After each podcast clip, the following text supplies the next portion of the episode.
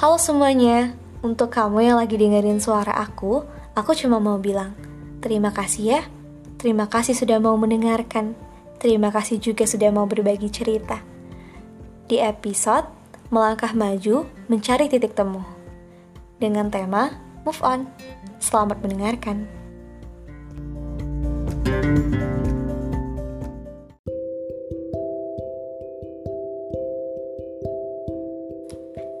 Halo semuanya, sekarang aku mau bacain cerita kalian yang udah kalian kirim melalui email. Jadi langsung aja ya aku bacain. Hai kak, semoga kakak pembaca dan semua pendengar diberikan kesehatan oleh Allah Subhanahu wa taala ya. Amin. Di sini aku kirim ceritanya pakai fake email. Ya karena aku terlalu takut buat menampakkan siapa diriku sebenarnya. Jadi, panggil saja aku anonim. Aku mau cerita nih, Kak. Aku baru aja putus. Putus cinta. Padahal pada saat itu adalah minggu-minggu UAS sudah mendatangi kita. Rasanya aku sedih banget, Kak. Ya karena semuanya serba tiba-tiba. Rasanya Tak ada kesalahanku yang terlalu berarti hingga ia tega mengakhiri hubungan kami. Usut punya usut nih kak. Ternyata dia jalan lagi sama mantannya. Kejadiannya sebelum bulan puasa. Aku sebenarnya tidak masalah dia mau berteman dan bergaul dengan siapa pun. Tapi ternyata Sepertinya dia tergoyahkan, Kak. Awalnya aku gak ikhlas dan masih berusaha mempertahankan hubungan ini. Namun, beberapa hari ternyata ini gak ada hasilnya. Setelah enam hari bergejolak, akhirnya aku memutuskan untuk menyerah. Aku lepaskan saja dia daripada kami berdua semakin saling menyakiti.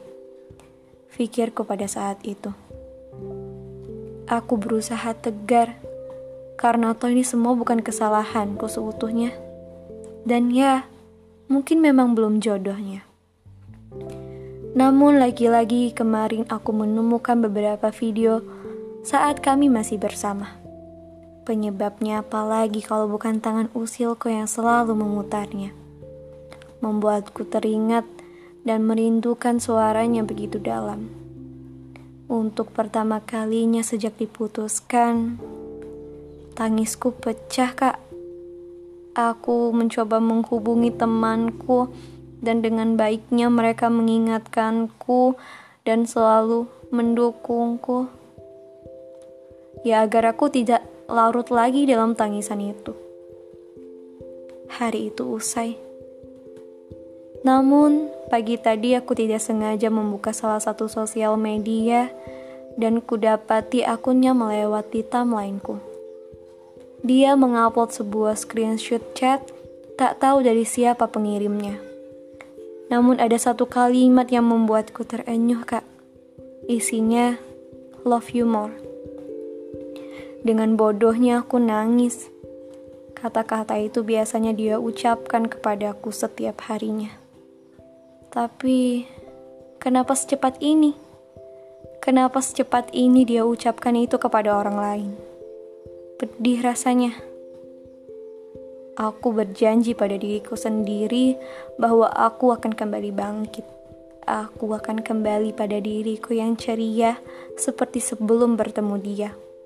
Aku pasti bisa kan melewati semua ini? Oh iya kak, aku cuma mau titip pesan Untukmu, orang brengsek yang berhasil membuat anak kebanggaan orang tuanya ini menangis dengan sia-sia. Semoga kamu sehat dan bahagia selalu ya. Aku bersyukur pernah mengenalmu. Karena setidaknya aku mengetahui ada banyak jenis manusia di bumi ini. Untuk pendengar dan kakak pembaca, terima kasih ya. Terima kasih sudah mau mendengarkan ceritaku. Maaf kalau ini terkesan lebay dan sangat dramatis. Dan doakan aku ya, semoga aku bisa kembali menjadi diriku dengan versi ceria dan melupakannya. Karena jujur aja, sangat berat berpura-pura tersenyum ketika sebenarnya sedang tersakiti. Semoga kalian sehat dan bahagia selalu ya. Sukses. Amin. Semangat semuanya. Halo,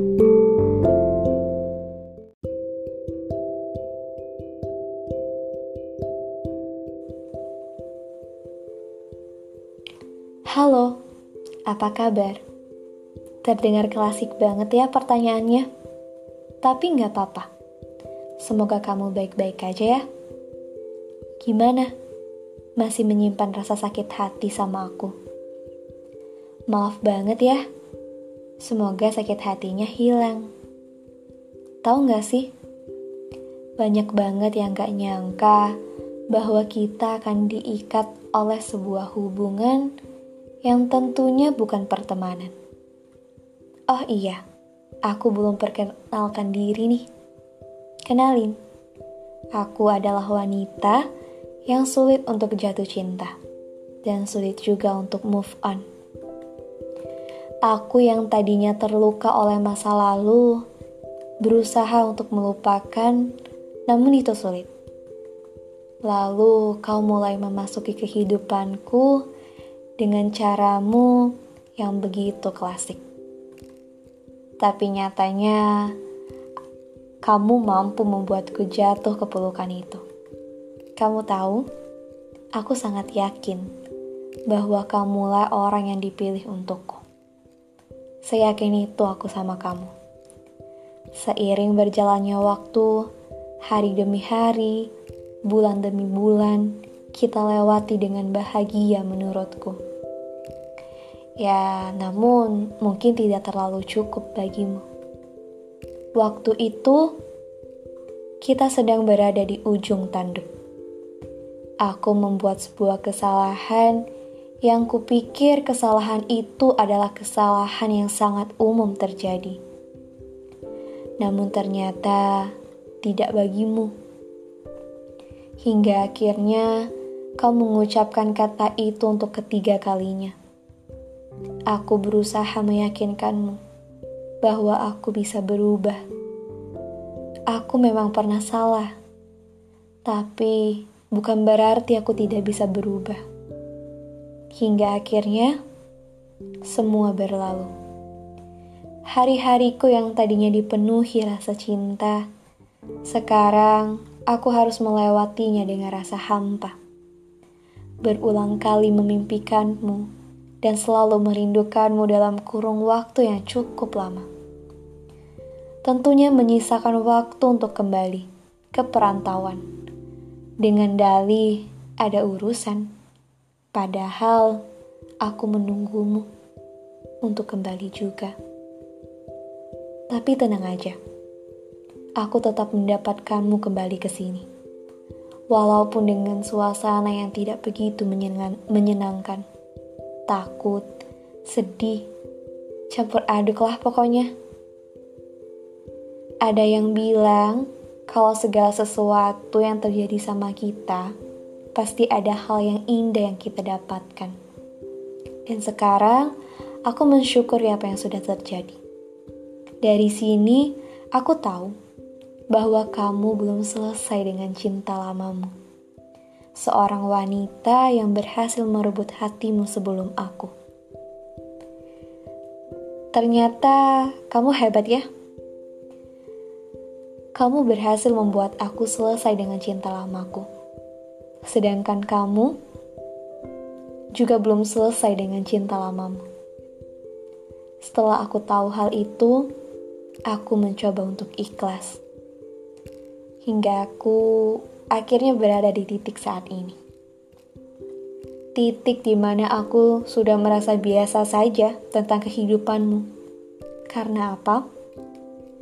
Karena aku cukup sadar diri.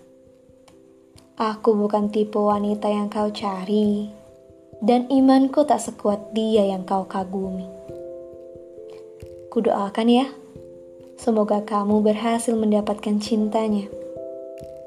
Oh iya, apakah aku udah bisa dibilang sudah move on? Oke, karena ini masih bentuk pertanyaan, jadi aku mau coba jawab pertanyaan yang udah kamu kasih. Dari ceritamu, aku rasa kamu udah berhasil untuk move on. Ya karena kamu udah nemuin titik temunya dengan baik malahan. Jadi aku cuma mau ngucapin selamat ya untuk kamu yang punya cerita ini.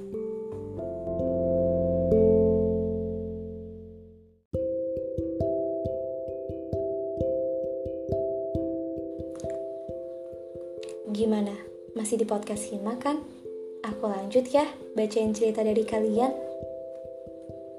Hai, apa kabar hari ini? Aku harap kalian baik-baik saja ya. Aku adalah salah satu dari kalian yang lagi merasakan kesenangan. Ya karena apa? Ya karena libur panjang. Terlebih lagi nilai udah keluar semua nih. Jadi nggak ada beban, bener kan? untuk podcast kali ini tentang move on. Perih banget kayak tuh. Aku langsung keinget orang yang dulu pernah jadi bahagia di dalam keseharianku. Tapi sekarang, ya kalian bisa tebak lah ya. Sakit sih, tapi nggak apa-apa. Karena sedihnya udah hilang. Karena ternyata orang yang gak kita sangka-sangka itu malah yang mendominasi kehidupan kita. Aduh, mendominasi kak tuh. Iya, dia mendominasi kehidupan perkuliahanku. Banyak juga aku dengar cerita dari teman-teman yang hampir sama sepertiku. Yang gak berharap sesuatu itu ada di kehidupan kita, eh malah jadi yang menyaksikan perjalanan hidup kita. Ternyata Tuhan punya banyak rencananya ya.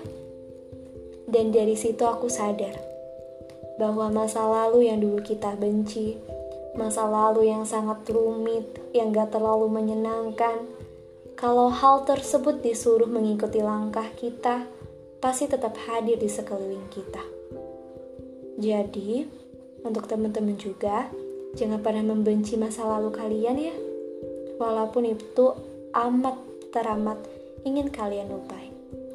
Hal itu mungkin akan jadi cerita kita alasan kenapa kita tetap bertahan sampai sekarang.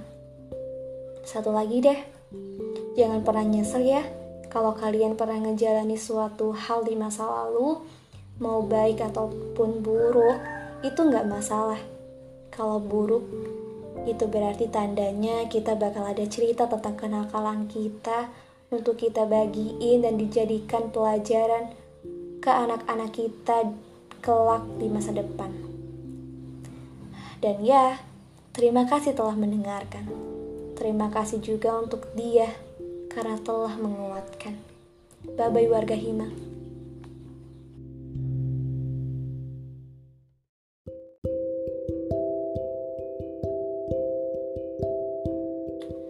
Mundur itu juga pilihan. Berpisah bisa jadi jalan keluar.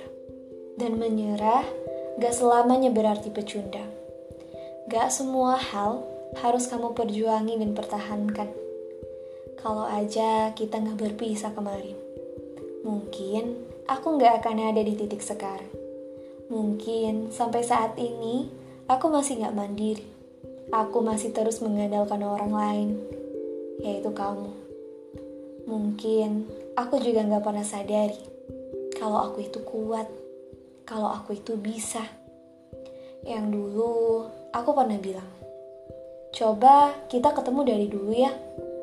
Tapi untuk sekarang, aku bisa bilang ke kamu, seandainya kita nggak pernah ketemu sama sekali. Akhirnya pun, aku mengerti. Kamu baik sekali ya. Tapi, apa yang Tuhan siapkan untukku jauh lebih baik lagi. Memang perlu untuk diakui. Sejauh ini, Gak ada cara melepaskan yang jauh lebih ampuh daripada memberi jarak antara satu dengan yang lain. Ibaratnya, Bagaimana bisa terlepas kalau orangnya terus berada di sekitar? Bagaimana bisa ikhlas kalau masih ada hati yang berharap? Aku pernah baca, ada beberapa hal yang kalau semakin dipaksa, semakin gak ada hasilnya. Oleh karena itu, enjoy the process. Nikmati prosesnya. Pelan-pelan, gak perlu tergesa-gesa. Dan sibukin diri kamu dengan kegiatan positif memberi jarak kepada orang yang dulu pernah berperan penting, pernah singgah di kehidupan kita, itu nggak mudah. Ingin membenci pun masih banyak kenangan indah yang udah dirangkai bersama. And after all, I am glad that is over. Terima kasih ya. Terima kasih sudah turut menjadi bagian dalam proses pendewasaanku.